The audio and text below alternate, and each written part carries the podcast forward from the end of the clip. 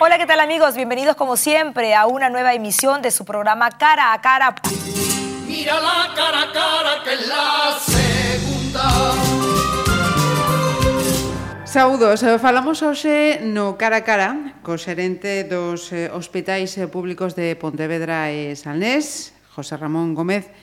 Benvido a estes micrófonos. Moi bons días. que non a primeira vez que fala para estes eh, micrófonos, porque xa falou nunha, a lo menos unha ocasión anterior con o noso compañeiro Anxo Lourido, o pouco tempo de, de chegar o, o cargo. Así é. En principio temos que, que atender a todos os medios, non hai ningún problema.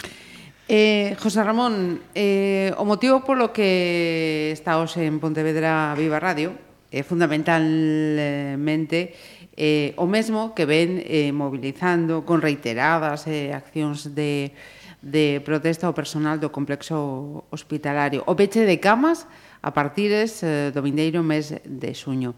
Eh, poderíamos comenzar, eh, se, se lle parece, mm, por lembrar eh, as cifras e eh, as datas desa previsión. Sí, en principio, a, a data de inicio é eh, 1 de xuño, e a, a data un pouco de finalización 30 de setembro, aínda que xa lle clarexei ás organizacións sindicais que a apertura, eh, digamos, a, a, a a utilización de novo das camas eh, que en principio está previsto non usar se irá producindo a medida que a demanda sanitaria de ingresos o vaya eh, reclamando.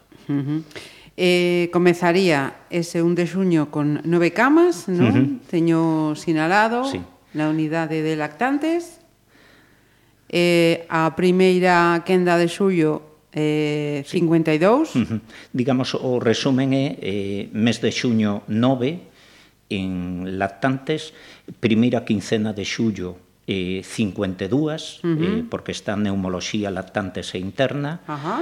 eh, as seguintes tres quincenas, segunda de xullo e todo mes de... Perdón, catro quincenas, segunda de xullo, todo agosto e primeira quincena de setembro, setembro. 80, uh -huh. eh, incorporase entón a, a unidade de trauma, e eh, segunda quincena de setembro 52 porque xa a unidade de trauma a teríamos previsiblemente funcionando mm. e a partir desta data iríamos abrindo eh, en función como, como che decía da, da demanda asistencial Eh, una dúbida, eh, estas, eh, estas cifras eh, son para os centros de Montecelo eh, provincial?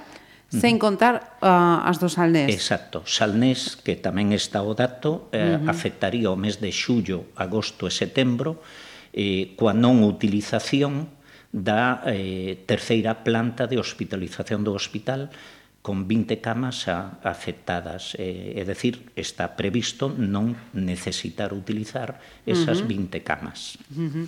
eh, perfecto. Eh, como afectan? Uh -huh. eh,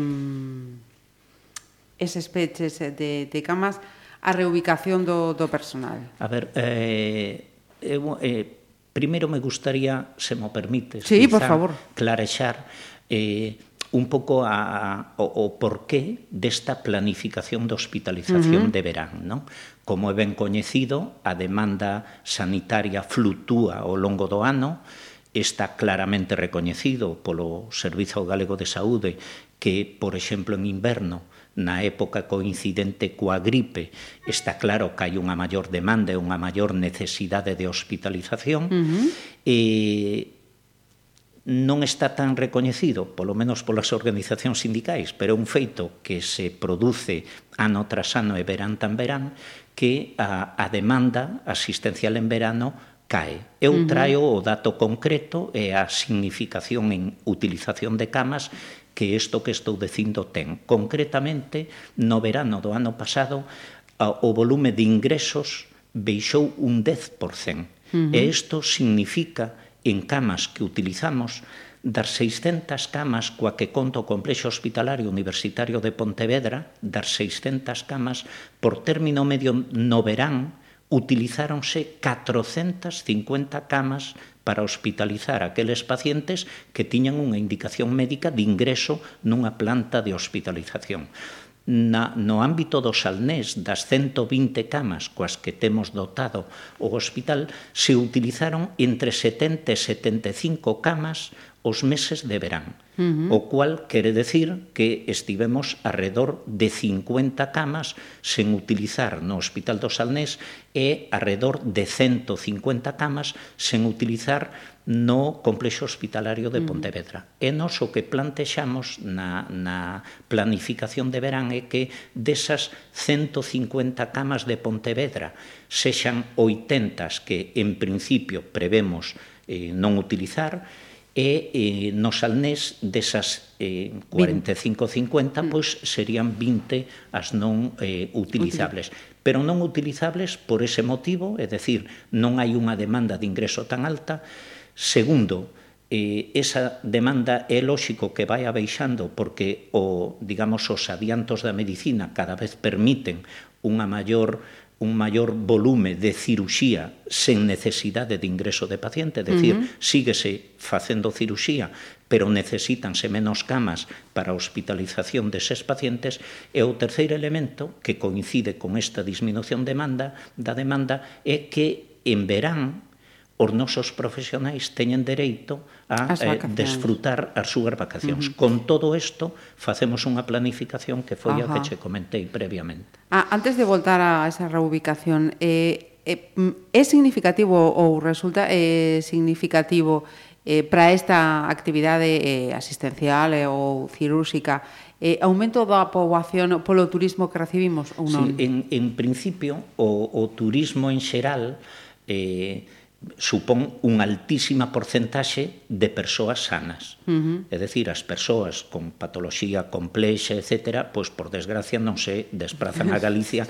en época de vacacións. Tamén é certo que polas actividades de ocio, maior número de desplazamentos, etc., bueno, que duda cabe uh -huh. que a nivel de urxencias, que tamén o teño, as urxencias en verán tamén disminúen diminúen un pouco, uh -huh pero un 3%, un 4%, es decir, diminúen Ajá. menos porque, bueno, pues hay eh, fracturas, golpes, etcétera, uh -huh. de persoas que hai que atender. Pero insisto que eh, a idea primeiro, non aumentan as urxencias a pesar uh -huh. de que a poboación aumenta, e segundo, estas urxencias non todas precisan ingreso. Uh -huh. E do que estamos falando é de todas aquelas que un facultativo que está atendendo a un paciente en urxencias decide o seu ingreso é o que a xerencia ten que dispoñer de recurso de hospitalización para, para poder ingresalo. Uh -huh. E despois, digamos, de, de de, da, da difusión en medios de comunicación eh, desta comunicación das camas que non vamos a utilizar, despois hai un silencio en que todo vai funcionando no hospital. É dicir, nos, e eh, se podo aproveitar para darche datos concretos, nos facemos 120.000 consultas en verán, uh -huh. entre xuño e setembro. E setembro. Nos atendemos máis de 30.000 urxencias nese período de tempo e uh -huh. temos recursos e organización para facelo sen problema.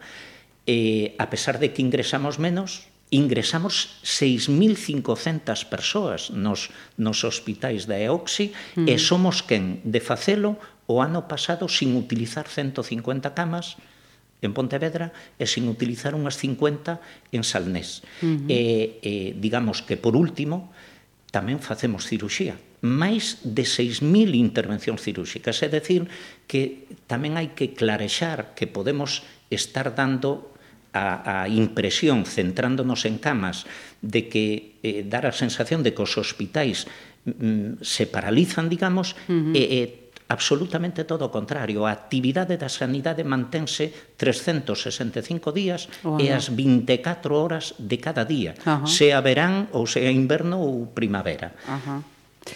Eh, volto agora sí, esa uh -huh. pregunta, como Como afectan a, a reubicación do persoal? Perfecto.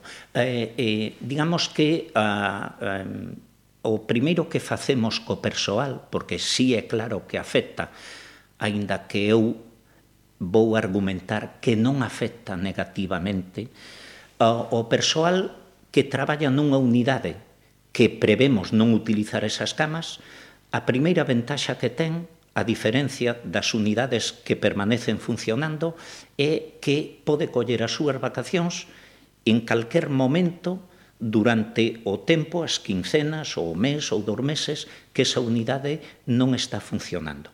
E isto é unha, unha vantaxa, porque mm. o persoal das unidades que sigue funcionando hai que rotar nas vacacións, xuño, xullo, agosto e setembro.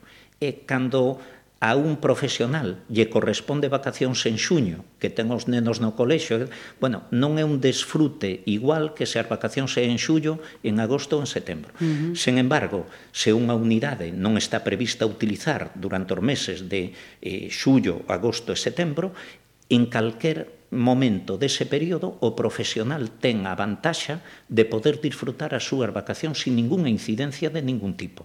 Ben é certo que hai como un pequeno inconvinte, é que as vacacións non duran tres meses. O tempo que non utilizamos a unidade son tres meses e, por tanto, esa persoa vai a ter que traballar dous meses e durante esos dous meses non vai facer a súa actividade asistencial na unidade donde traballa ao longo do ano. E para paliar esta situación, o que lle ofrecemos tamén é que elixa intentar eh, garantir que a elección do, do profesional é a que despois se executa. E como exemplo, estamos ofrecendo incluso a posibilidad de traballar en atención primaria, é dicir, unha enfermera de hospital que eh, eh un mes de vacacións está eh, no Grove ou en uh -huh. Bueu, está traballando no Hospital do Salnés, no, nese período de, de, de vacacións uh -huh. eh, en que esa terceira planta non está funcionando, pois pode elegir eh, prestar servizo digamos, nun ámbito no que se sinta un pouco máis cómoda e intentamos sempre que posible mantelo tamén. Mm. Vostede ten sinalado que é, é complicada a contratación de, de especialistas para, uh -huh paliar estas, estas eh, situacións Correcto. cada ano. Sí, esta pregunta é tamén eh, moi interesante porque eh, moitas veces centramos eh, digamos a, a a discusión ou os comentarios en determinada categoría profesional o, o ámbito do, do persoal médico tamén é clave. É decir, eu, antes que unha cama para un paciente ingresado, necesito un quirófano. O quirófano tamén o teño.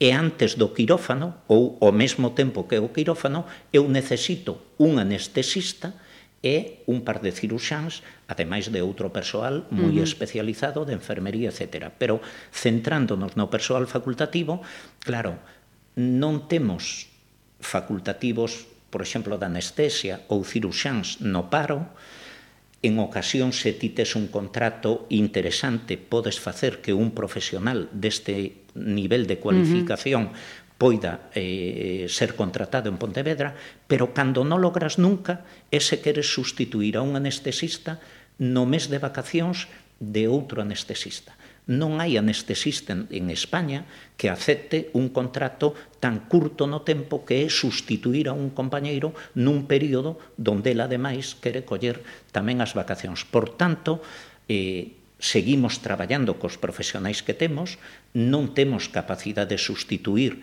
nese momento, e entón optamos por priorizar intervimos todo urxente, uh -huh. intervimos toda a prioridade 1 e intervimos ata 6.000 ou, ou 6.100 eh, intervencións, prioridades 2 e 3, eh, pola antigüedade, polo tempo que leva esperando o paciente. É decir, que mantemos un alto volumen de actividade eh, permitimos aos profesionais coller as súas vacacións cando toca e dispoñemos estamos utilizando aquelas camas que precisamos para ingresar a todos os pacientes en que un facultativo indica que debe ser ingresado nunha cama. Uh -huh. E, e que nos pode decir tamén de outra crítica que estamos a, a escoitar que eh, eh, a derivación nos centros privados neste uh -huh. lapso de tempo. A ver, eu eh, en relación a este tema, porque xurdeu moito cando estaba en tramitación a, a modificación da lei de saúde,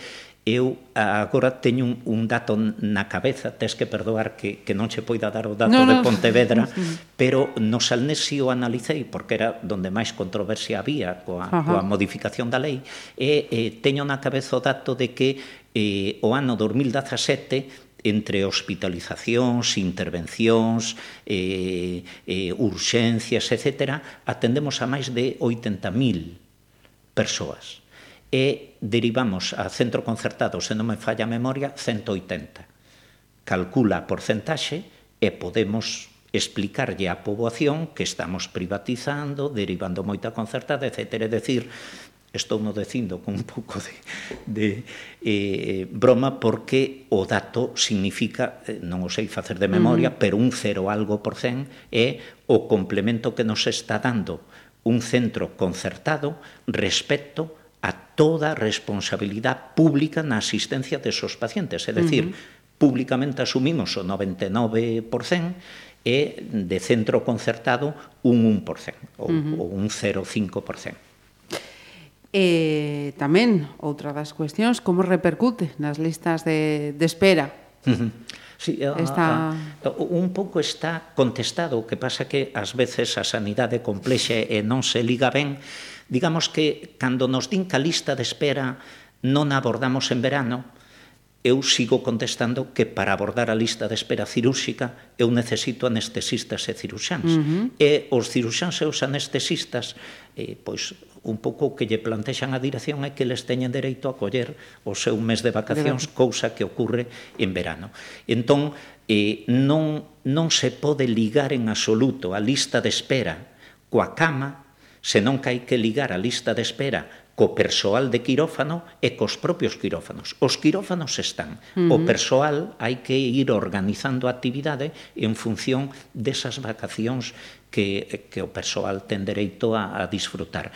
E entendo que non facemos mal, é dicir, en, en catro meses de verán, que ti poidas poñer sobre a mesa eh, 6.000 intervencións cirúrxicas, 1030 urxentes é algo que poucas organizacións eh, que non sexa a sanidade pública pode poñer eh, ante a poboación. Non? É uh -huh. dicir que eh, seguimos tendo unha intensísima actividade en verano, pero con unha condición, e a condición é que, a pesar disto, precisamos menos camas ao longo do período estival. E o único que facemos é ter todas as camas disponibles mm, non me me resisto a, a utilizar a palabra peche porque non é real. Mm. Eu en algún momento decía que cando unha familia se vai de vacacións non pecha as camas, pechará a casa, pero as mm. camas quedan ali, están preparadas.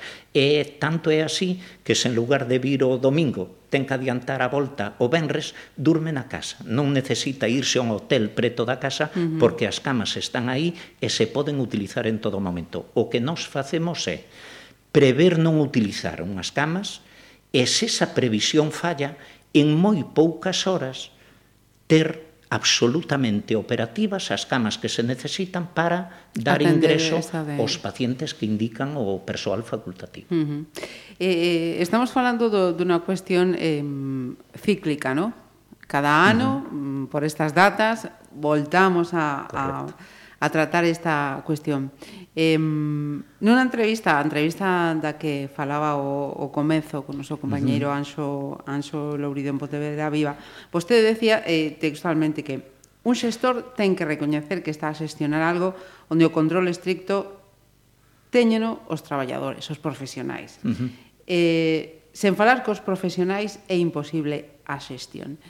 Nesta cuestión, uh -huh. insisto, cíclica, reiterada, ano tras ano, cal é a marxe que ten cada un das partes para falar, para tratar de solventar esta diatriba anual. Comigo toda. Ben. é dicir, eu eh, eh, bueno, eu entendo que se, se preguntades isto, a resposta debería de ser a que eu estou dando. É dicir, uh -huh. eu nunca pecho a porta a bueno, xunta de persoal xa é unha reunión formal uh -huh. con todas as organizacións sindicais. Se unha organización en concreta quere falar comigo, xa tiven multitud de reunións. Uh -huh. Se calquer profesional aporta é que non, non está aberta para mañá ou pasado mañá. Se estou no despacho, a prioridade é sempre o profesional. Sobre todo porque en sanidade o que eu quería decir con esa afirmación é que as decisións que afectan aos pacientes nunca as toma a dirección. Eu nunca estou nunha consulta entre un ciruxán e un paciente. Uh -huh. A decisión que se toma aí é responsabilidade de do un profesional. profesional, que é quen ten o coñecemento para valorar a situación do paciente. E vaise facer o que indique ese profesional, que pode ser eh, atender nunha consulta a ese paciente, incluílo en lista de espera e xa temos a obriga de programar esa, esa intervención e cada cada semana mantemos reunión con todos os servicios cirúrxicos para programar as cirurxías da semana que ven, é dicir, a sanidade é eh, a min me gusta enormemente o que fago en sanidade pola complexidade porque nunca podes tomar unha decisión eh, digamos individual, é uh -huh. dicir, sempre tes que ir a un nivel de participación e de pacto, porque nunca ti eres quen ejecuta a decisión. As decisións sempre se ejecutan por múltiples profesionais e sempre eh, concordantes no tempo, é dicir, sobre a atención dun paciente influye o laboratorio, pero influye tamén o servicio cardioloxía, a enfermera, uh -huh. o celador que ten que trasladalo, é dicir, é un conxunto, un, ¿no? un conxunto de actuacións sobre calquera acto asistencial que se fai, pero donde a máxima responsabilidade é do persoal médico que ten a capacidade de indicar que tratamento e que actuación hai que levar a cabo. Ajá. E para vindeiras eh, e eh, ocasións eh, podería ser este tema unha cuestión a consultar con, con ese Consello Asesor de, de Pacientes? Sí, sí, por suposto, non hai eh, absoluta ningún problema, porque eu son un convencido de que ou argumentas as túas decisións ou non podes estar tomando decisións absolutamente contraria ao parecer do conxunto dos traballadores. Neste tema, as organizacións sindicais fan unha manifestación pública, sen embargo, bueno, os profesionais pois eh, entenden que eh, teñen que disfrutar do seu mes de vacacións, uh -huh. entenden porque as estadísticas así o sinalan dende sempre, de que en verano temos menos necesidade de camas, e parece natural que por unha responsabilidade de manexo de diñeiro público que a sociedade pon, neste caso nas miñas mans, para xestionar Pontevedra, bueno, se eu necesito 450 camas, bueno, pois hai aí un marxe en que non parece razonable que moita xente teña que eh, bueno, coller as vacacións pois cando toque a un ritmo no uh -huh. que se van turnando, etc, para que despois esas camas non, non, non precisen, non se precisen para ingresar a, a ningún paciente. De todas formas, por engadir algo máis, é que si sí, hai ruído mediático preverano. Uh -huh. É dicir, chegamos a maio e isto eh, flota no ambiente. Sen embargo, cala en xuño, xullo e agosto e volve en setembro ou, ou outubro máis lixeiramente. Uh -huh. Entón, o feito é que hai que ver o porqué.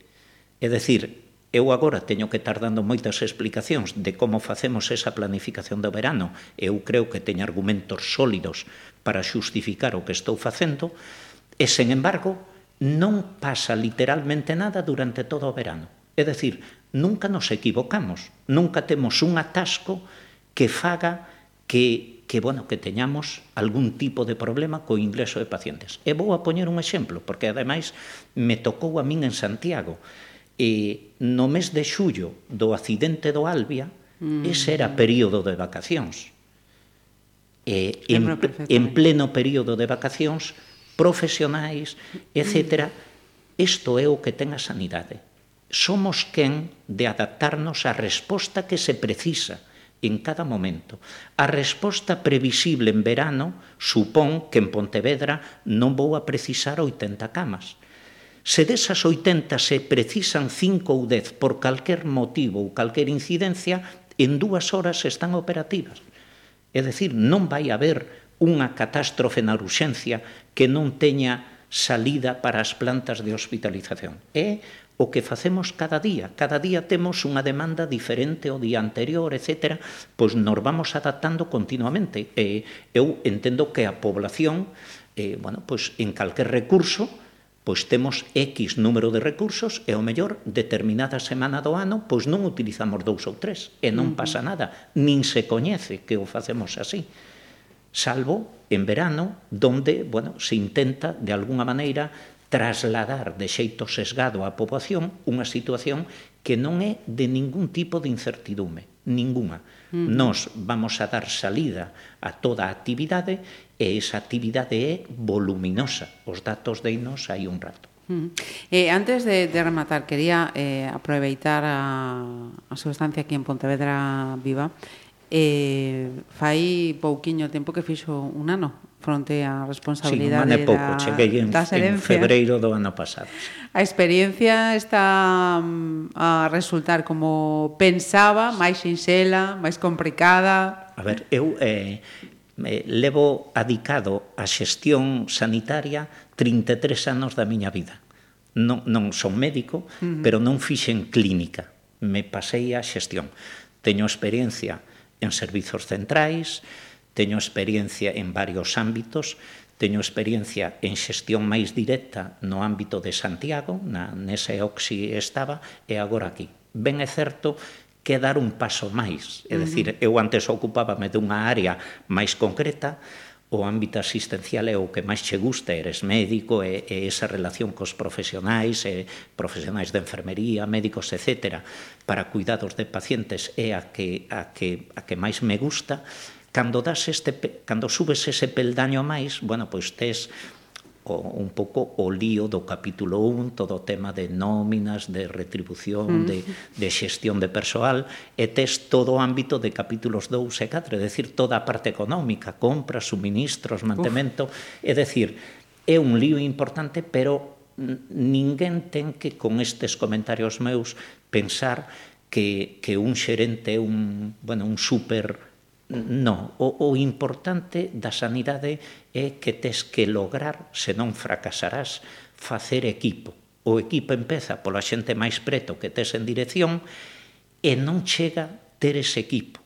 Tes que lograr que o conxunto dos profesionais, ou polo menos unha, unha maioría deles, eh, estén un pouco alineados nos temas. Alineados quere decir que eres ti xeralmente quen os tes que escoitar, uh -huh. quen máis sabe de, de como atender a cardioloxía, pois eh, é o noso xefe de mm. servizo de é o mesmo ocurre en digestivo en calquer outro. Mm-hmm. Entón, uh -huh. eles son os que coñecen e ti eres, claro, pois ver que que non se gaste excesivamente, que tes, ti tes que poñer o teu grau, pero é un conxunto de profesionais con unha formación e con un nivel como eu non, bueno, non coñezo ningún outro sector, pero de sanidade é un nivel con un, un nivel de coñecemento absolutamente increíble, uh -huh. é todo ese gran equipo o que fai que calquer paciente que ten un problema coas eh, limitacións que poidamos ter, etc., que eu as acepto e, uh -huh. e intento corregir no posible,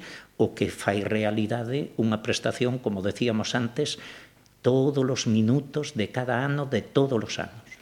Eh, eh, entón, vou, vou incidir un poquinho máis ah, para rematar.